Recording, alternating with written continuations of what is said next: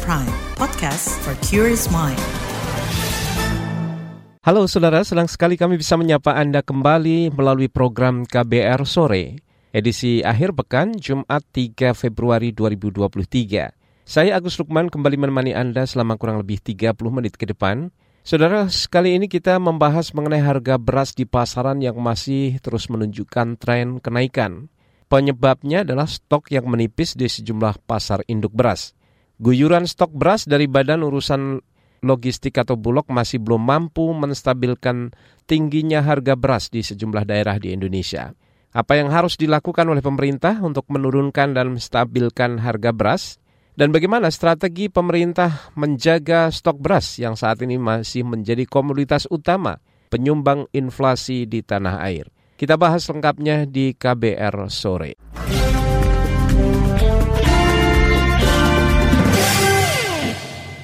Saudara, harga beras di Indonesia masih terus memperlihatkan tren kenaikan. Tingginya harga beras ini juga diakui Presiden Joko Widodo. Usai berkunjung ke pasar tradisional di Bali kemarin, Jokowi mengakui ada kenaikan harga beras di sejumlah provinsi di Indonesia. Beras memang naik, di semua provinsi memang naik.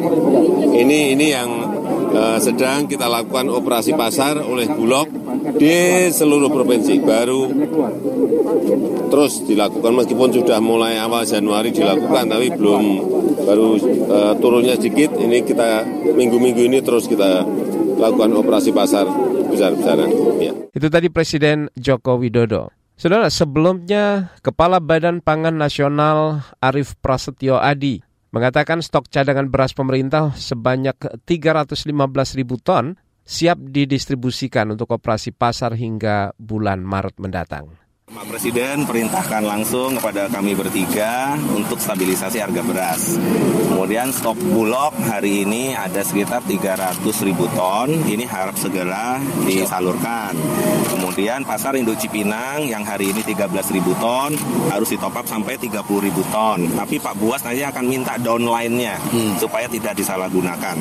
Ya, jadi downline-nya akan diberikan. Kemudian dari kerangka sampel area BPS, memang Februari dan Maret ini akan akan mulai uh, panen ya. Tapi nanti puncaknya ada di bulan depan jadi Februari Maret. Nah dalam panen biasanya setelah panen itu maka akan mengisi lumbung-lumbung pangan yang ada dulu. Jadi biasanya rumah tangga petani, kemudian stok-stok di penggilingan. Ya. Nah Bulog dalam hal ini juga harus mempersiapkan karena saya sudah menugaskan Bulog untuk menyerap sekitar 2,4 juta ton tahun ini sehingga nih gudang Bulog memang harus dikosongkan. Ya. Jadi nanti Bulog, akan mengosongkan uh, untuk operasi pasar sebulan terakhir ini, kemudian untuk uh, new crop yang baru ini 2,4 juta. 70% dipanen yang pertama, sisanya di akhir tahun. Itu tadi Kepala Badan Pangan Nasional Arief Prasetyo Adi. Sementara itu, Direktur Utama Perum Bulog Budi Waseso mengatakan Bulog akan menggelontorkan cadangan beras pemerintah melalui operasi pasar. Cadangan beras pemerintah yang digelontorkan berasal dari penyerapan beras petani dalam negeri dan beras impor. Yang kita turunkan ini adalah beras-beras termasuk beras import ya, yang kualitasnya premium ya tapi kita tetap menjualnya 8.300 jadi nanti teman-teman juga harus ngawasi. Ya kalau ada yang berasnya mahal nah itu berarti ada permainan di situ. Ya kenapa? Ini beras ini beras premium bukan beras medium. Ya kita jualnya 8.300 jadi harusnya nggak ada lagi persaingnya. Karena beras yang ini yang terbaik selama ini. Ya CBP yang sudah siap kita edarkan 315 ribu ton. oke okay? Nah itu yang akan segera kita turun-turunkan ya untuk operasi pasar. Ya, tapi kita kan masih punya cadangan yang import ini. Ya itu juga akan kita turunkan. Semuanya akan kita habiskan untuk operasi pasar untuk Januari, Februari sampai nanti Maret yang awal kan tadi bila mana sudah tidak diperlukan untuk operasi pasar, kita akan melakukan penyerapan dari panen-panen yang akan datang ini. Nah ini sudah disiapkan karena Bulog tadi sudah ada penugasan dari Pak Arif 2,4 juta ton. Nah itu kita akan serap dari dalam negeri semua. Gitu. Budi Waseso memastikan Bulog akan segera menyalurkan beras-beras impor yang telah tiba di pelabuhan melalui kegiatan operasi pasar. Tuh enggak, ini nanti paling lambat ya, paling lambat. Ini kan semua udah di pelabuhan nih, yang impor nih. paling lambat ini tanggal 15 Februari semua sudah masuk gudang. Tapi secara bertahap kan dipakai operasi. Saya malah berharap nih sampai Februari ini habis. Yang impor maupun yang ada stok ini. Supaya pak kesempatan kita untuk nanti menyerap lebih banyak. Karena 2,4 juta.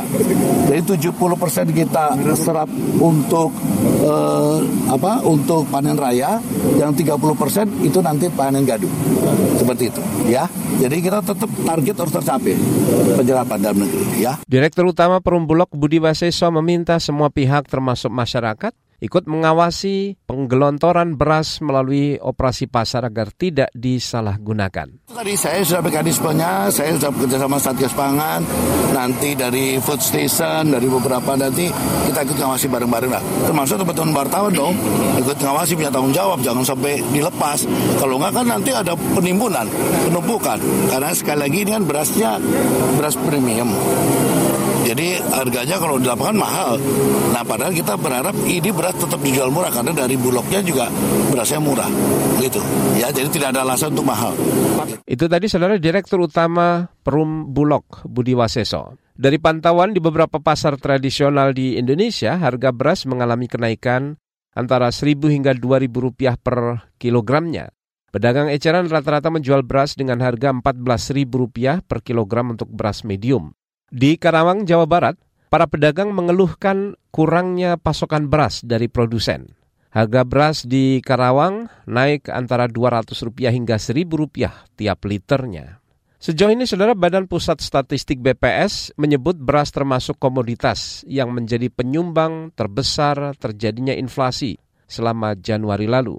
Inflasi yang disumbang beras mencapai 2,34 persen pada bulan lalu, atau naik 0,04 persen dibandingkan dengan Desember 2022 sebesar 2,3 persen. Saudara, usai jeda kami hadirkan laporan khas KBR mengenai harga beras yang naik di seluruh wilayah di Indonesia.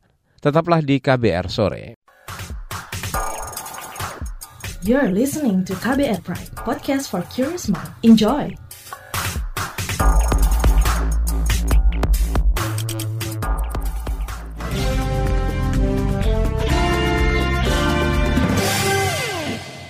Saudara, rata-rata harga beras kualitas di bawah hingga premium naik 13 hingga 15 persen pada Januari 2023 jika dibandingkan bulan yang sama pada tahun lalu. Kenaikan harga beras ini sudah terjadi sejak enam bulan lalu lantaran stok beras menipis. Bagaimana proyeksi dan pantauan harga beras bulan ini? Berikut laporan khas KBR yang disusun Mutia Kusumawardani. Harga beras kualitas bawah, medium, dan super pada hari ini naik dibanding bulan lalu. Berdasarkan pantauan harga di Pusat Informasi Harga Pangan Strategis atau PIHPS Nasional, harga beras kualitas bawah 1 naik dari Rp10.875 menjadi Rp10.950 per kilogram. Sementara beras kualitas medium 1 naik dari Rp11.950 menjadi Rp12.050 per kilogram. Harga beras mulai merangkak naik sejak pertengahan 2022 karena dipicu defisit beras yang juga terjadi di wilayah sentra beras. Ikatan Pedagang Pasar Indonesia atau IKAPI menilai penyebab kenaikan harga beras saat ini akibat kurang optimalnya penyerapan beras dari petani oleh Badan Urusan Logistik atau Bulog pada tahun lalu. Ketua IKAPI Abdullah Mansuri mengatakan saat ini harga beras di atas harga eceran tertinggi atau HET terjadi di seluruh wilayah di Indonesia kesalahan Bulog ya. Impor yang diputuskan Bulog itu sesungguhnya hanya alternatif saja. Menurut kami agak sulit juga di, di dipaksakan gitu ya. Karena Bulog sendiri menurut kami eh, belum siap melakukan eh, penguatan stok yang ada di lapangan. Ketua IKP Abdullah Mansuri mendorong pemerintah menggandeng seluruh pemangku kepentingan untuk menjaga stabilitas harga beras. Menteri Perekonomian Erlangga Hartarto menegaskan pemerintah berkomitmen menjaga daya beli masyarakat dengan memastikan stabilitas harga pangan strategis, termasuk beras. Pemerintah berharap puncak panen raya yang diperkirakan terjadi pada Maret dan April 2023 dapat menambah stok beras sehingga dapat membanjiri pasar dan memenuhi kebutuhan masyarakat. Inflasi di daerah yang dimonitor di bulan Januari ini Memang salah satunya adalah sektor transportasi, dalam hal ini transportasi udara. Kemudian yang kedua terkait dengan beberapa komoditas yang diperhatikan termasuk uh, harga beras yang seperti di bulan uh, Desember kemarin sehingga pemerintah akan uh, terus memonitor situasi ketersediaan stok dan harga beras. Kemarin, Menteri Perdagangan atau Mendak Zulkifli Hasan memastikan harga beras akan kembali sesuai harga eceran tertinggi, yakni Rp9.450 per liter usai operasi pasar. Ia meminta Perum Bulog gencar melakukan operasi pasar dan memangkas rantai distribusi beras untuk mencegah harga jual tinggi pada tingkat konsumen. Menindaklanjuti arahan tersebut, Bulog Ponorogo, Bulog Ponorogo menggelar operasi pasar di sejumlah titik di Kabupaten Magetan, Jawa Timur. Pimpinan cabang kantor Bulog Ponorogo, Aan Sugiharto, mengatakan operasi pasar adalah upaya stabilisasi pasokan dan ketersediaan pangan untuk menekan gejolak harga beras dalam rangka uh, menekan gejolak harga beras yang terjadi saat ini. Harga di pasar untuk saat ini uh, sesuai rilis BPS kemarin 10.800 rata-rata harga beras medium. Dan harga beras di titik operasi pasar kami jual Rp42.500 per 5 kilo. Jadi per kilonya Rp8.500. Kami batasi maksimal satu orang dua piece, dua pack. Aan Sugiharto menambahkan operasi pasar beras murah dilakukan sejak 26 Januari hingga 14 Februari 2023. Di setiap titik operasi pasar, Bulog akan menjual beras medium minimal 5 ton dengan harga Rp8.500 per kilogram. Bulog membatasi pembelian beras 2 pak atau 10 kg per orang untuk mengantisipasi antrean warga yang akan membeli beras murah. Dalam kesempatan berbeda, Kepala Dinas Pertanian dan Ketahanan Pangan Bali, Wayan Sunanda memastikan ketersediaan beras di wilayahnya masih mencukupi kebutuhan masyarakat setempat. Ia mengatakan tidak ada kendala distribusi beras. Ia memastikan pemasokan beras ke pasar-pasar tradisional di Bali rutin dilakukan setiap hari. Itu yang sudah kita cek setiap hari dan kita juga sudah melaksanakan OP, operasi pasar. Itu untuk uh, terkait dengan harga-harga bahan pokok yang ada di Bali. Nah, jadi uh, kalau masalah harga itu kan memang uh, pasar ya, tetapi kita untuk stok kita masih cukup aman. Kepala Dinas Pertanian dan Ketahanan Pangan Bali, Wayan Sunanda mengatakan, meski stok beras aman, namun harga beras naik Rp100 menjadi Rp12.000 per kilogram. Menurutnya, peningkatan harga itu terjadi seiring naiknya harga pupuk dan bahan bakar minyak. Kata dia, jika harga tidak dinaikkan, maka petani akan merugi. Demikian laporan khas KBR yang disusun dan dibacakan Mutia Kusumawardani. Saudara, kalangan anggota DPR menilai pemerintah lemah mengawasi kenaikan harga beras di tanah air. DPR mendorong pemerintah segera melakukan operasi pasar untuk menurunkan dan menstabilkan harga beras.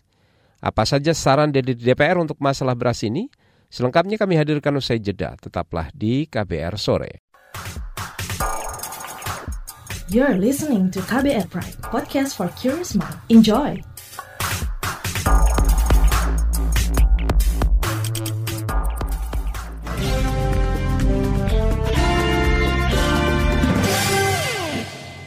Saudara Anda masih bersama kami di KBR Sore. Kalangan anggota DPR mendorong pemerintah segera melakukan operasi pasar untuk menurunkan harga beras. Anggota Komisi Bidang Perdagangan di DPR, Amin Aka, menyoroti kebijakan pemerintah terkait stabilitas harga pangan karena harga sejumlah komoditas termasuk beras tidak stabil dan cenderung tinggi. Berikut perbincangan jurnalis KBR Heru Haitami bersama anggota Komisi Bidang Perdagangan di DPR, Amin Aka. Terkait dengan harga beras saat ini diakui juga oleh pemerintah bahwa adanya kenaikan harga di hampir seluruh uh, wilayah di Indonesia. Nah, jika terjadi seperti ini, apa intervensi yang bisa dilakukan oleh pemerintah untuk menurunkan harga beras? Ya, kondisi harga beras yang cukup tinggi ya di atas harga rata-rata dan ini menjadi penyumbang inflasi saya kira salah satu penyumbang inflasi terbesar di bulan Januari kemarin kan ya kenaikan harga beras itu nggak ada cara lain kecuali pemerintah melalui Bulog itu melakukan penetrasi pasar dan mengawal bahwa beras yang digelontorkan ke pasar itu benar-benar sampai ke konsumen dengan harga yang sudah ditetapkan oleh pemerintah. Jangan sampai di pasar misalnya dalam hal ini Bulog mungkin kalah cepat dengan para spekulan misalnya gitu loh. Kan juga banyak spekulan yang mungkin menyerap beras petani dan dia sudah duluan masuk ke pasar. Yang kedua, ini kan kalau nggak salah, eh, eh, Bulog sendiri kan sudah impor ya. Dan beras itu kan harus segera dikelontorkan ke pasar. Dan pemerintah harus mengawalnya tentu dengan subsidi kan. Dan nggak salah kan anggaran untuk cadangan ketahanan pangan kalau tahun 2022 kemarin 90 triliun lebih. Jadi harus benar digunakan untuk itu. Ini juga masalah psikologis. Masyarakat harus diyakinkan bahwa ini kan sebentar lagi atau udah mulai lah ya. Udah udah nyari lah sebentar lagi panen raya. Mestinya stok beras kita akan berlimpah nantinya dan jangan sampai sekali lagi ini konsumen dirugikan. Artinya apakah penyerapan yang dilakukan oleh Bulog terhadap petani rakyat kurang? Memang sekarang kalau beras dari petani ya bagaimanapun juga buruk harus menyerapnya. Dan memang harga beras dari petani itu kan ya memang ya cenderung tinggi karena faktor tingginya ongkos produksi ya. Sekarang kan semuanya naik BBM naik dan subsidi naik kemudian pupuk naik ya dan lain-lain lah sehingga mau nggak mau memang HPP petani cukup mahal. Tapi kan pemerintah punya mekanisme subsidi dan, dan itu bagaimana beras itu benar-benar diserap oleh pemerintah dan juga dikelontorkan untuk konsumen pada konsumen dengan mekanisme subsidi itu. Dan pemerintah harus menjamin melalui bulog kalau kerja-kerja bulog itu terkawal dengan baik dan efektif. Ya apalagi sudah impor pemerintah. Ya waktu itu memang masalah impor beras ini juga sempat menjadi silang pendapat karena kalau menurut data kami kan produksi beras nasional itu tahun 2002 itu kan 31,9 juta ton. Sementara konsumsi nasionalnya 30,2. Mestinya masih ada cadangan, ya masih ada kelebihan. Produksi di atas konsumsi. Tapi nyatanya pemerintah impor. Dan dengan impor itu kan beras lebih murah. Dan itu kan harus dikelontorkan mestinya tadi bisa e, melakukan penetrasi pasar. Dari pengawasan di DPR, bagaimana sebetulnya kinerja pemerintah dalam upaya stabilitas harga pangan? Kalau saya sih meyakinkan bahwa pemerintah itu kerja harus benar-benar menjamin pekerjaannya itu nggak setengah hati. Oh, melakukan penetrasi lewat apa namanya eh, pasar induk gitu ya, pasar-pasar induk di seluruh Indonesia dan meyakinkan di pedagang beras dijual sesuai dengan ketetapan pemerintah sehingga konsumen membeli dengan harga yang sesuai dengan ketetapan pemerintah. Nggak seperti sekarang yang tadinya berapa ya? 8 ribuan atau 9 ribuan naik di atas 10 ribu. Yang tadinya mungkin 10 11 ribu naik lagi. Mungkin per kilo adalah rata-rata 2 ribuan lebih naiknya ya. Kebijakan itu memang harus dikawal oleh pemerintah. Jangan ya juga ini bolak-balik ini sekarang minyak goreng juga naik lah. Dalam waktu berapa lama. Padahal kan pemerintah juga mestinya tahu hal yang menyebabkan kemarin kok sekian bulan bisa turun gitu. Sekarang kok naik lagi gitu. Kan pasti pemerintah tahu. Artinya kebijakan itu enggak hanya judul, sebaik hmm. apa pun kebijakan itu, kalau tidak benar-benar dilaksanakan dengan sungguh-sungguh dan dikawal dengan sebaik-baiknya, ya nggak efektif di lapangan. Itu termasuk dalam ini kebijakan penetrasi pasar beras oleh Bulog itu harus benar-benar dikawal. Dan antara pemerintah melalui Bulognya harus turun ke lapangan. Gitu. Dan eh, tentu saja harus memberi sanksi kepada pihak-pihak tertentu yang menyelewengkan kebijakan yang yang bertindak tidak sesuai dengan kebijakan pemerintah ini. Itu tadi saudara anggota Komisi Bidang Perdagangan di DPR, Amin Aka. Di lain pihak, pengamat ekonomi pertanian mendorong pemerintah untuk mengevaluasi pelaksanaan operasi pasar beras. Mengapa operasi pasar beras perlu dievaluasi? Informasi selengkapnya kami hadirkan sesaat lagi, tetaplah di KBR sore. You're listening to KBR Pride, podcast for curious mind. Enjoy!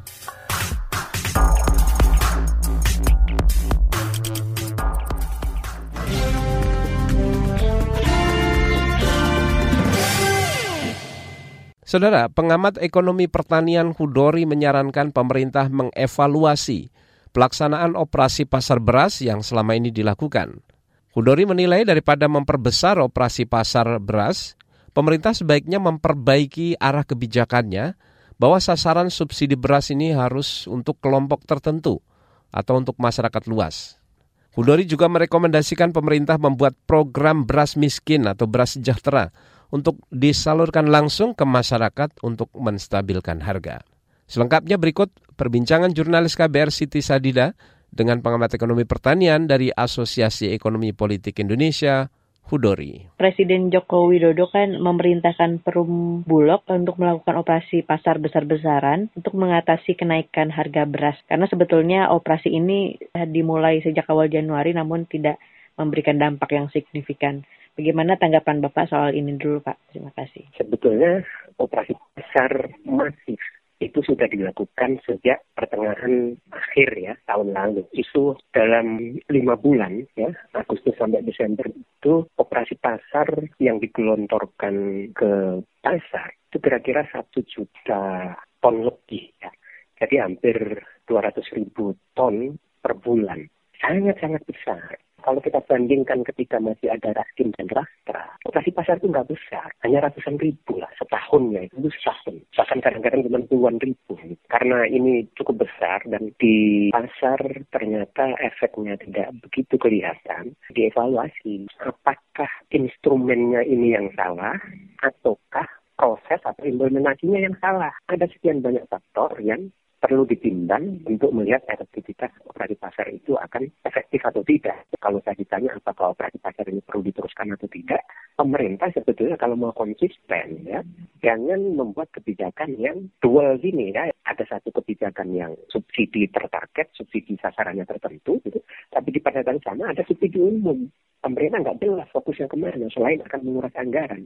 Kalau pemerintah merasa bahwa masyarakat yang perlu dibantu lewat program sembako itu perlu diperluas sasarannya, tambah saja gitu ya. Dari sekarang yang cuma 20 juta rumah tangga, tapi kalau dipandang perlu menambah volume bantuannya, ya tambah saja gitu. Pak Jokowi kan menyebut harga beras itu mengalami kenaikan di semua provinsi. Nah kali ini sebetulnya hmm permasalahan utamanya itu apa sih Pak? Yang sebetulnya sekarang kita pakai itu artinya produksi itu tidak bisa memenuhi kebutuhan bulanan. Kebutuhan bulanan kita itu kira-kira dua setengah juta. Januari kemarin kalau mengikuti proyeksinya BPS, produksinya hanya 1,3 juta ton. Jadi ada kekurangan 1,2 juta ton. Februari ini kalau proyeksinya itu benar ya, proyeksi BPS ada produksi 4,3 juta ton beras. Ada surplus 1,8. Lumayan besar gitu. Nah, tapi karena musim paceklik itu terjadi sejak Oktober kemarin, beras di pasar, apakah di jalur distribusi di pedagang, di penggilingan, di pengecer dan seterusnya, itu tidak pada posisi penuh seperti ketika panen raya. Meskipun ada potensi surplus 1,8 di Februari, ya itu butuh waktu untuk mengisi atau menjenuhi jalur-jalur distribusi yang kosong itu. Sebagai tindak lanjut operasi pasar, selain yang tadi sudah Bapak sampaikan, adakah rekomendasi lagi kepada pemerintah agar dapat mengintervensi stabilitas harga beras gitu? Salah satu upaya yang dilakukan saya baca sih Bulog katanya berencana akan kembali memberi tunjangan pangan berupa beras gitu ya ke ASN, TNI, dan Polri. Apakah itu cukup atau mungkin ada rekomendasi lainnya Pak? Itu salah satu instrumen ya, walaupun kita tahu kalau nggak salah ASN itu jumlahnya 4 jutaan ya. Nggak terlalu besar juga kalau dibandingkan dengan jumlah penduduk yang 276 atau 278 juta. Masih akan sangat terasa kalau instrumennya itu menggunakan kelompok penerima manfaat bantuan pangan non atau program sembako yang jumlahnya 20 juta rumah tangga. Nah, menurut saya, kalau pemerintah ingin punya instrumen walaupun secara tidak langsung, pastikan kepada kelompok penerima manfaat yang selama ini menerima program sembako lewat transfer tunai itu, ya, itu diwajibkan saja misalnya ya dengan ukuran moderat, wajibkan saja mereka membeli 5 kg beras bulog per bulan per keluarga. Katakanlah average masing-masing di wilayah itu kilogramnya 10 ribu, jadi 50 ribu. Dan bulog harus diwajibkan menjual dengan harga yang sama di seluruh wilayah Indonesia. Artinya kalau setiap bulan kelompok penerima manfaat itu terima 200 ribu, yang diwajibkan untuk membeli beras bulog hanya 50 ribu. Jadi masih ada 150 ribu yang keluarga ini masih punya keluasaan untuk membelanjakan apa saja, termasuk membeli beras di luar beras bulog ya. Kalau ini dilakukan, satu, pemerintah punya instrumen, walaupun tidak langsung, walaupun ini baru 5 kg. Yang kedua, ini juga menjadi outlet pasti bagi Bulog untuk penyaluran. Ketika Raskin dan Rasma tidak ada, itu outlet Bulog yang pasti di hilir. Itu nggak ada. Dulu ketika masih ada Raskin dan Rasma, itu outlet penyaluran di hilir. Itu rata-rata per tahun kira-kira 3 juta. Itu tadi saudara pengamat pertanian dari Asosiasi Ekonomi Politik Indonesia, Hudori. Perbincangan tadi saudara menutup jumpa kita di KBR Sore, edisi akhir pekan Jumat 3 Februari 2023. Pantau selalu informasi terkini melalui situs kbr.id, Twitter kami di akun @beritaKBR serta podcast di alamat kbrprime.id. Saya Agus Lukman bersama tim yang bertugas kami undur diri. Salam.